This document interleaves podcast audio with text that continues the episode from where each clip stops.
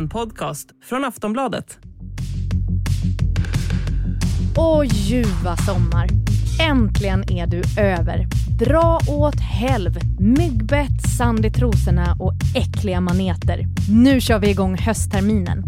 Men vilka är de viktigaste sakerna att hålla koll på från i somras för oss latmaskar som knappt läst en nyhet? Och hur kan de händelserna påverka valet som är runt hörnet? Lugn bara, vi har din rygg. Du kommer få med dig det viktigaste så att du kan låta smart och påläst när du ska dra igång hjärnan igen efter sommaren. Det här är Aftonbladets politikpodd, en runda till med My Råväder, Lena Melin och mig, Soraya Hashim. Välkomna tillbaka!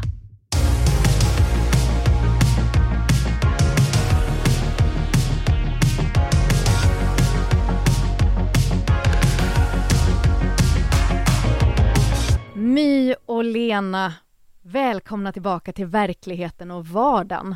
Detsamma. Mm, detsamma. Det känns så mysigt att få dra igång med podderiet igen, för nu är det ju verkligen upptakt. Det är inte långt kvar till valet. Vad är det, fyra veckor? Eh, men jag behöver er hjälp och jag tror inte att jag är ensam om det. Eh, Lena, du formulerade så himla bra inför Almedalen. Eh, du sa någonting i stil med att allmänheten bryr sig inte om vad som händer på Almedalen utan det man tänker på är vad man ska lägga på grillen på kvällen. Eh, och, och, så tror jag att väldigt många känner kring sommaren överhuvudtaget. Eh, eller jag gör det i alla fall och jag tror många lyssnare gör det, att man inte riktigt hänger med i liksom politiskt käbbel och kanske inte nyheter överhuvudtaget för att så här, ska vi käka sparris eller flintastek är liksom viktigare där och då. Eh, mina ögon har i alla fall inte sett så många nyheter i sommar. Eh, hur har det sett ut för er? Har ni hängt med eller har ni släppt det? Nej, men jag håller med dig. Jag tycker alltså på det politiska området så var det ju väldigt lugnt under veckorna är som följde efter Almedalsveckan. Och det berodde ju på att alla var tvungna att vara störtlediga, liksom så här, maxat lediga innan valrörelsen sparkar igång. Mm. Och då ska ju de planera lite innan också. Just det. Och du, du My har jag ju förstått lite grann, har, har jag hört rykten om. Jag har haft en liten paus. Du har haft en paus Jag har lärt mig grilla. Ja men det är bra. Mm. Saker ska man lära sig precis, under sommaren. Precis.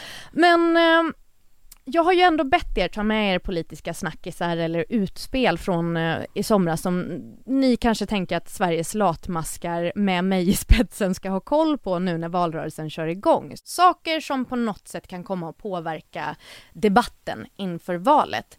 Lena, vi kan väl börja med dig. Vad har du med dig? Ja, men börjar med det äldsta, eller jag säga först, mm. så är det Sverigedemokraternas vitbok som ju de då eh, presenterade lägligt precis efter Almedalen. Så att eh, den politiska stilten var enorm och intresset för grillen lika så. Mm. Eh, men ja, intressen för, intresset för eh, så, hur Sverigedemokraternas historia ser ut det var ganska lågt. Ja, det, det var inga jättechockerande insikter som kom därifrån va?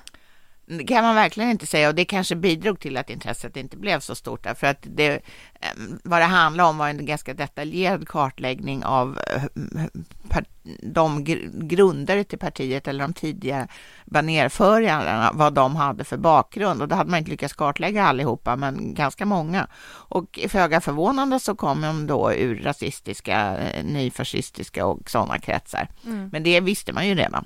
Ja, men precis. Så vad är syftet med vitboken? Ja, det här var ju inte den enda delen, det kommer fler. Mm. Så att uh, syftet med var väl just det. Mm. Uh, och sen så ska ju det som egentligen var mest förvånande med hela alltihopa, det här var ett, att rapportförfattaren då Eh, Eh, själv eh, förefaller tillhöra Sverigedemokraterna, vilket de inte talade om, eh, vilket ju var jättekonstigt. Och det andra var eh, den förre gruppledaren Mattias Karlssons eh, eh in, reaktion på innehållet. Och han sa ju då att han fick lite ont i magen av det här, vilket är jättekonstigt eftersom det var jättekänt och allra mest känt borde det vara av honom som ju verkligen har grävt i, i, i partiets historia. Kan, kan det vara jag bara gissar nu, men kan, kan en anledning till att man vill göra en sån här vitbok vara att man vill ta kontroll över, över narrativet om Sverigedemokraterna? Att inte alla andra ska hålla på och kasta den här bakgrunden i ansiktet på en om man har sagt det själv? Jo, men så kan det vara. Man vill liksom sopa det från, från, från bordet, frågan från bordet, att den blir, nu har vi tagit tag i, i tur med det här själva och då, då, då är det inte intressant längre. Likadant blev det ju lite grann med Vänsterpartiets historia när de gav ut sina vitböcker, eller, Sverige, eller Socialdemokraternas, förlåt mig, så, ehm, eh, intensiva samröre med IB. Mm. Men My, tror du att det är en strategi som kommer funka?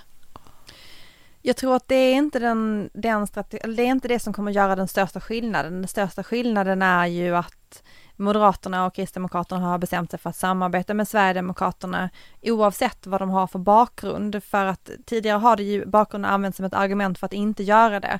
Men sen man slutade ha det som ett argument för att samarbeta, då spelar ju egentligen den här vitboken inte så stor roll. Precis som Lena säger, allting var ju känt. Mm. Eh, det som de har gjort nu är väl egentligen bara att man har sammanfattat det på ett sätt och försöker få det ur världen. Men jag ska säga att det här, när vi går in i regeringsbildning efter valet så ska det nog mycket till för att den andra delen av vitboken ska få betydelse när den kommer för hur man ställer sig till Sverigedemokraterna. Det är liksom redan bortsopat allting. Va, vad är det den andra delen ska fokusera på?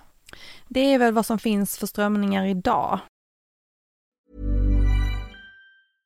This is Paige, the co-host of Giggly Squad, and I want to tell you about a company that I've been loving, Olive and June. Olive and June gives you everything that you need for a salon quality manicure in one box. And if you break it down, it really comes out to $2 a manicure, which is absolutely insane. It's also so easy to get salon worthy nails at home with Olive and June. The difference between how your nails used to look when you did them yourself and now with the Manny system is a complete game changer. The best thing about Olive and June too is it's a quick dry, dries in about one minute, lasts for five days, and full coverage in up to one to two coats. Visit oliveandjune.com slash perfect Manny 20 for 20% off your first system. That's oliveandjune.com slash perfect Manny 20 for 20% off your first system. System.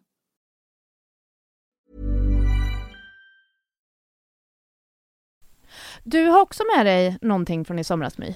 Men jag hade också vitboken. Ja.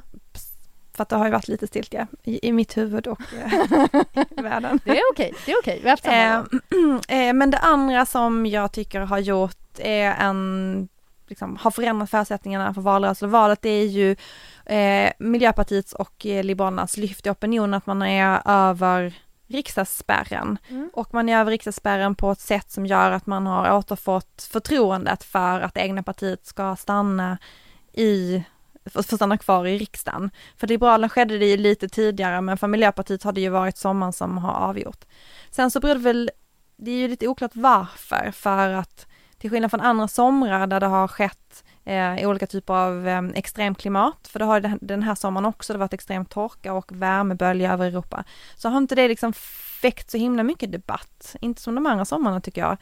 Eh, så att det här är liksom eh, vid sidan av det, att det är liksom inte klimatdebatten som har gett dem ett, en skjuts i opinionen, utan det är någonting annat, förmodligen är det, eh, det var kanske det här eh, ropet på stödröster som Stenevi uttryckte under våren som gjorde det. Men man har liksom ändå bestämt sig för att man ska ge dem en chans och, eh, och, eh, och det syns i opinionen. Men vad jag förstår så, så finns det dokumenterat att strömmarna kommer i hög grad från sossarna. Mm. Så att det är de som vill ha Magdalena Andersson som statsminister, kanske inte, men kanske inte eh, är de absolut största klimatkramarna. Vad de här partierna då som har legat och, och hängt med naglarna på klippkanten som är 4% spärren som vi har pratat om väldigt mycket i den här podden. Alltså, eh, det har ju gått lite upp och ner där, men vad betyder det för dem när de får lite medvind på det här sättet? Framförallt betyder det att man har chansen att få de här stödrösterna, att man inte tycker att det är en bortkastad röst för att eh, rädda dem kvar i riksdagen. För det är ju en risk om man då egentligen inte sympatiserar med dem, eller man sympatiserar ju med men man egentligen inte skulle röstat på dem, men gör det för att för att liksom stödrösta och de då inte kommer in i riksdagen, då har man ju liksom dubbelt kastat bort sin röst nästan. Mm. Så att det är väl framförallt där som det blir en skillnad, att det finns liksom någon slags, eh, det finns en vitalitet i partierna som de inte har när de ligger under spärren sådär länge. Men sen tror jag också det är självklart i en valrörelse att det är mycket roligare att kampanja för ett parti som har lite vind i seglen. Mm. Och Glenn, du sa en bra sak tyckte jag om Liberalerna. Du har sagt det flera gånger under dagen. Att Liberalerna som har haft det så svårt med inre konflikter, att, att det finns ingenting som är så enande som en bra Nej. opinion. Och det gäller ju liksom Miljöpartiet också, Mm. att liksom slitningar inom partier blir mycket, mycket mindre när man ha- har det bra. Man håller käft och är glad bara. Ja. Man försöker hålla fast vid det som är positivt. Så vitbok och vind i seglen för L och MP. Lena, vad har du mer med dig från i somras? Ja, nu måste man ju säga att det var ganska in, stor sommarstiltje på det politiska området, så det här kom man faktiskt se i slutet av förra veckan och det var ju Moderaterna i, i Region Stockholm då som, som eh, lanserade förslaget att man, alla barn som bor i eh, utanförskapsområden ska eh, få chansen att testas för om de har ADHD. Och detta skulle då inte vara av någon mänsklig omtanke i första hand, utan för att man skulle stävja grov bro, eh, våldsbrottslighet, därför det finns något svagt samband mellan ADHD och eh, grova brott, våldsbrott. Hur, hur förankrat är det här i forskning? Ja, alltså det verkar ju, det, det finns ju studier som, som säger att det finns ett samband, men det finns ju minst lika många som säger att det är absolut inte det starkaste sambandet, utan att det handlar om eh, socioekonomiska faktorer i högsta grad. Alltså att det, det är det som avgör om, om man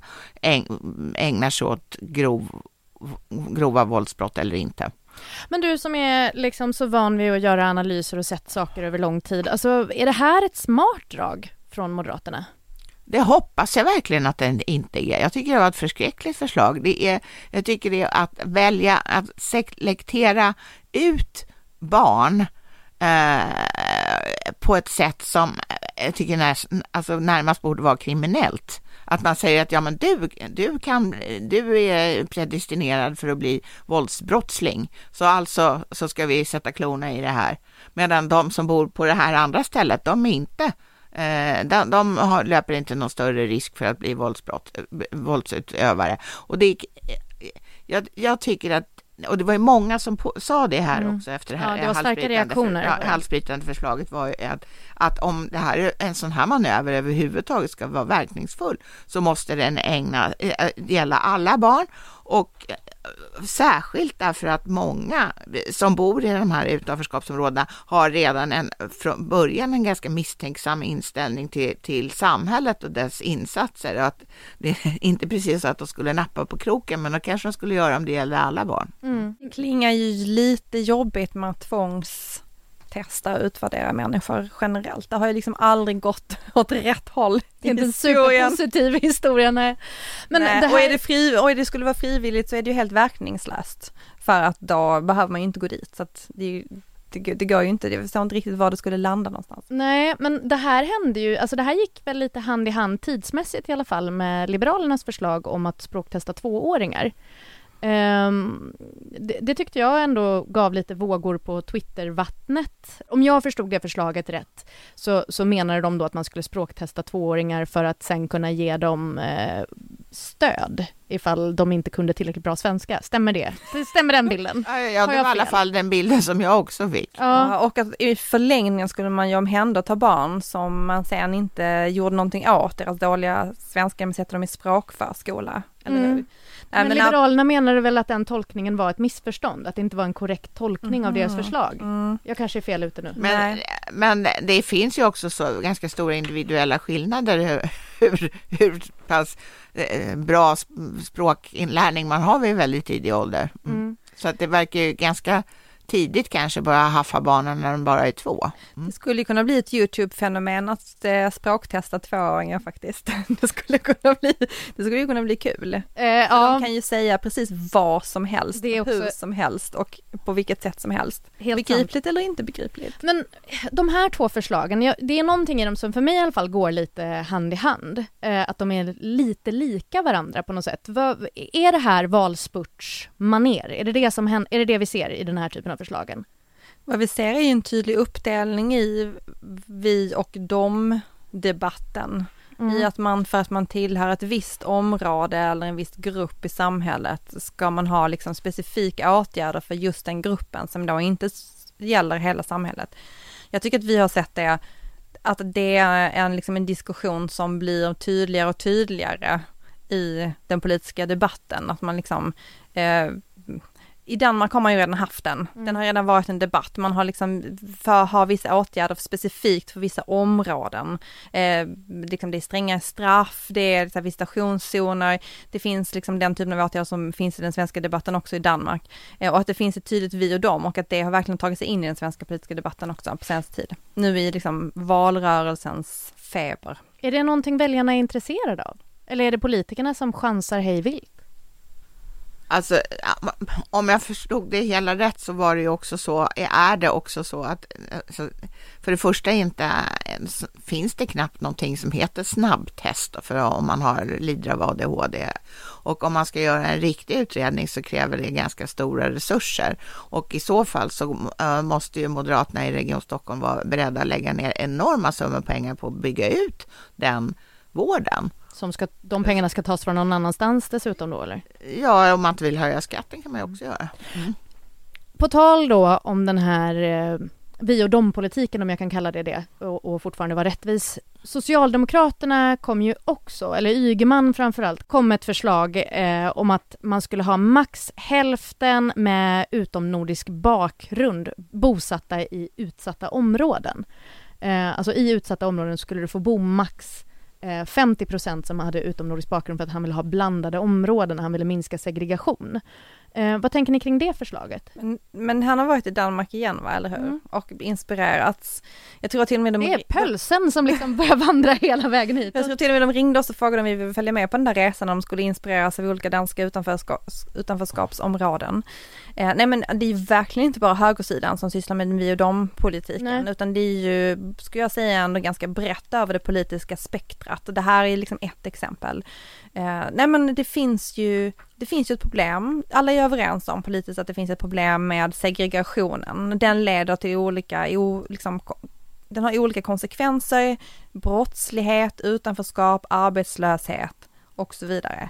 Eh, och man vill komma åt det här. Man vet också att, särskilt när det kommer till brottsligheten, att det är en viktig fråga för väljarna. Så att man försöker ju fokusera på det, på det sättet. Igen, är det valfläsk? allting nu Soraya ja, är ju valfläsk. Ja, det, det måste du ju ändå utgå från. Men jag tycker att det är lite, alltså jag måste säga att jag tycker att det är inte bara lite utan ganska så rejält anmärkningsvärt att han lanserar den här idén. För hur ska det gå till? Ska mm. man tvångsförflytta människor? Men Magdalena Andersson eh, sa ju sen efteråt att hon tyckte inte det var orimligt på något sätt. Nej, men det, då är hon också svaret skyldig. Hur, hur ska det gå till? Ska man tvångs förflytta människor. Ska man lasta in dem i en bil och köra därifrån med deras ägodelar och peta in dem någon annanstans? Jag, jag ser det inte framför mig. När vi lämnade studion innan sommaren så hade i alla fall jag en känsla av att Magdalena Andersson hade luft under vingarna. Att även om det var snorjämnt mellan henne och Ulf Kristersson så upplevde jag det som att ni beskrev det som att hennes vågskål ändå var lite tyngre eh, i opinionens ögon. Håller ni med om den bilden? Att det var så det var när vi lämnade studion? Men... I alla fall att hon hade luft under vingarna. Ja. Absolut. Och hur ser det ut nu? Fyra veckor kvar till valet. Ja men det är ohyggligt jämnt mm. fortfarande nu är det ju, nu kommer det dugga tätt med mätningar och eh, de visar ju eh, Ja, det är lite hit och lite dit, det är lite olika, men jag menar det, det är framför allt är det ju att det är väldigt, väldigt jämnt fortfarande. Och att det kommer ju avgöras kring hur man lyckas mobilisera sina soffliggare för att rörelserna mellan blocken är inte särskilt stora utan nu handlar det om att hitta de väljare som kanske inte skulle gå till valurnorna ändå. Mm. Och då är det ju intressant just det att man liksom pekar ut utanförskapsområdena på ett sätt för där finns det ju väldigt många väljare att plocka för det är ju där som man har ett lågt valdeltagande. Så att jag vet inte om de ja, jag vet inte hur de liksom tänker att de ska få de väljarna som finns i de här områdena. Eh, är det genom den här typen av förslag vi har diskuterat nu? Det är klart att de flesta i de här områdena är ju dödströtta på det här våldet. Ja. Så det är klart att de också säger, tycker att man måste göra någonting åt det. Sveriges Radio hade någon liten serie om, om ehm, röst, benägenheten att rösta eh, i områden som där det oftast är ganska lågt valdeltagande. Och det var ju väldigt många som hänvisade till att de tyckte att, det, bland, det här var bland unga väljare, de hänvisade till att de tyckte att det var väldigt svårt att välja därför att de tyckte ingen pratade om deras verklighet. Och det är klart att om, om, om, om det duggar förslag om att de ska deporteras därifrån, att deras um, ungar helst ska eh, omhändertas för eventuell ADHD och eh, liknande förslag, då känner man väl ännu mindre igen sig skulle jag tro. Mm. Men jag måste säga att Socialdemokraterna, om man bara talar om Magdalena Andersson, de har ju tappat stöd fem månader i rad. Eh, e, eller, eller fem mätningar i rad enligt Aftonbladet Demoskop. Så att det, det, hon har inte haft någon jättesvit, segersvit sen eh, strax efter invasionen av Ukraina, den ryska. Så i exakt denna sekund när vi sitter och pratar här i studion, är, är Ulf eller Magdalena on top? Alltså båda har ju sina problem får man ju säga. Det är inte, även om, eh, även om Ulf Kristersson har ett team Kristersson som vill ha honom som statsminister, alltså det är de dedikerade till, de är överens om att det ska vara hårdare tag och så vidare och så vidare, så är det ju så att de har ju, in, det är massor med saker som de inte är överens om. Mm. Men vem, vem är liksom i opinionen just nu högst upp? Precis nu när vi pratar? Ja, precis nu så är det, leder de lite grann, men det kan vara tvärtom imorgon. Och vad behöver Ulf Kristersson göra för att behålla sitt övertag? Alltså ett sätt skulle ju kunna vara att eh, släppa fram Jimmie Åkesson eftersom Sverigedemokraterna har legat lite pyrt till här under våren. Och han brukar ju vara bra på att piska upp eh, eh, så att säga, intresset för sitt parti. Och det skulle ju vara bra för Team Kristersson då, men kanske inte för just Ulf Kristersson själv. Vad behöver Magdalena Andersson göra för att få övertaget i opinionen? Jag tror att agendan är liksom på Ulf Kristerssons sida med brott och straff och plånboksfrågor liksom dominerar debatten. Jag tror att hon behöver få upp det här med skolan på agendan och där spelar ju media väldigt stor roll. Och jag tror att det som, som hon skulle behöva det är väl liksom något stort avslöjande kring någon skolkoncern eller liknande. Jag tror att liksom bara själv har hon svårt att vända den här skutan utan hon skulle liksom behöva någonting stort som gjorde att väljarna känslomässigt går igång på det här med vinster i välfärden när det kommer till skolan. Mm.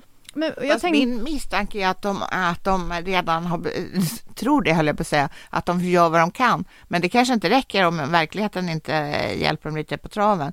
Därför att de har ju ändå, de fick ett förslag som handlar om begränsningar av, av eh, vinster i, i, i skolkoncerner nedröstat av rest, riksdagen. Men sen nu har de presenterat ett snarlikt som ska läggas på riksdagens bord efter, efter valet och det tyder på att de har hittat någon, tycker de själva i alla fall, en grej som mobiliserar väljarna, deras väljare.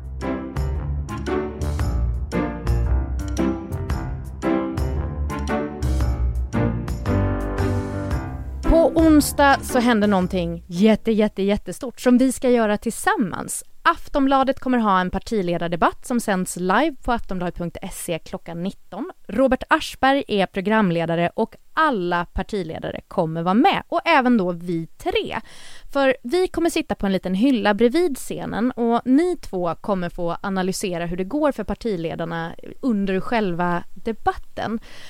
Um, vad tror ni att ni faktiskt kommer få ut av dem under den här debatten? För att nu fastnade jag bara på oss på en liten hylla. Ja men ni sitter på som en liten vi skulle hylla. Vara som, vi Lilla kryddhyllan, salt och peppar. Jag kan vara piffig allkrydda. Jag tror att det här kommer bli superkul. För att eh, det jag vet att i förra valrörelsen så sneglade ju alla lite avundsjukt på Aftonbladet. Yes. Hade så bra debatt, ska jag säga, som jobbade någon annanstans då. Eh, och eh, jag tror att det här kommer att bli fartfyllt och de är inte heller helt utslitna än så att Men berätta, vad var det som liksom stod ut med den här debatten som alla andra blev lite sotis på? Eh, nej men det är väl liksom lite härligare men det framförallt var det väl att, de, äh, att det var ganska korta rapt och att partiledarna själva fick välja äh, ämnen för sina anföranden. Och det, det, just det framgångsreceptet kommer vi upprepa nu. Ja, men precis. Eh, vad tror ni kommer vara den vanligaste floskeln? Jag känner ju lite sådär inför en debatt att jag nästan vill sätta upp en whiteboard bakom oss med en så här floskelbingo där vi bara kunde kryssa av saker de säger. Vad kommer vara liksom den tydligaste vilken skulle vara den första rutan vi skulle kryssa av? Men det är en hel fras. Så ja. kan vi inte ha det. det har blivit dyrt att leva i Sverige. Ja, det är dyrt att vara svensk. Men det är ju också det här med att, eh, att man inte svarar på en fråga utan istället säger att ja, men de andra då? Det tycker jag är så tröttsamt. Ja. Att man inte svarar på de, poli- eller liksom, att man inte svarar med vad man själv vill göra utan bara svarar med vad andra inte gör. Jag tycker en vanlig kritik jag har hört nu under eh, partiledarintervjuer och så som, som ökar väldigt mycket nu inför valet är att partiledarna är dåliga på att ge vallöften och konkreta förslag till lösningar. Håller ni med om den kritiken? Nej, jag tycker det är bra att de inte gör det. Varför det? Därför de, de kommer aldrig kunna hålla de där löftena. Nej just det, så sluta lova grejer ni Mm. ändå inte... Ja. Det kommer ju komma sen när de kommer med sina valmanifest. Då kommer det ju finnas lite mer konkreta saker att lova. Mm. Men som sagt, ja, vad ska de säga? Det är ju, det är ju ett nytt politiskt landskap eh, som vi fick lära oss efter förra valet att man kan inte lova någonting för att man kan också vara, behöva kompromissa bort typ hela sin själ sen när man ska regeringsbilda. Men som väljare kan man ju ändå känna en önskan att de åtminstone kan formulera vad de... Alltså drömsamhället de vill ha. Alltså det, Det känner jag inte jag- att jag får. Nej, men det tycker jag absolut att man kan kräva att de, att de gör. Varför gör de inte det då? Ja, Men det tycker inte jag de är så dåliga på som du tycker. Ja, Men däremot så kanske de inte är så bra på att, så att säga, bygga ihop sina, sitt drömhus, utan drömhuset som serveras till väljarna gör det i, i små paket, väldigt små paket, som man själv bygga ihop det till ett hus. Eh, Men, så det tycker jag de skulle vara bättre på, att, så att säga, ge den övergripande bilden. Ja. Om någon av partiledarna hör er nu, eller om någon av deras minioner som kan skvallra vidare hör det här, eh, vad behöver partiledarna prestera under debatten för att få 10 av 10 av er? En nyhet, Mm. något kul, Mm. något rappt och något jävligt elakt. Tack Lena och My för den här gången. Vi är ju såklart tillbaka igen efter debatten. På torsdag kommer vi tillbaka med ett vanligt avsnitt och då kommer ni få höra allt snaskigt skvaller om vad som hände som kamerorna inte fångade. Som sagt, Aftonbladets partiledardebatt med Robert Aschberg i spetsen är nu på onsdag klockan 19 på aftonbladet.se. En runda till stänger locket för den här gången. Och vi som har gjort programmet är som vanligt demonproducent Olivia Svensson, experter My Råväder och Lena Melin och jag heter Soraya Hashim. Puss och kram!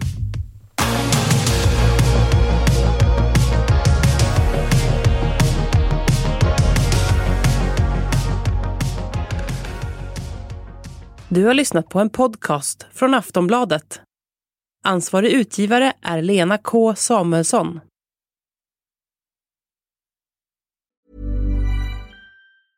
When you're ready to pop the question, the last thing you want to do is second guess the ring. At Bluenile.com, you can design a one of a kind ring with the ease and convenience of shopping online. Choose your diamond and setting. When you find the one, you'll get it delivered right to your door. Go to Bluenile.com and use promo code LISTEN to get $50 off your purchase of $500 or more. That's code LISTEN at Bluenile.com for $50 off your purchase.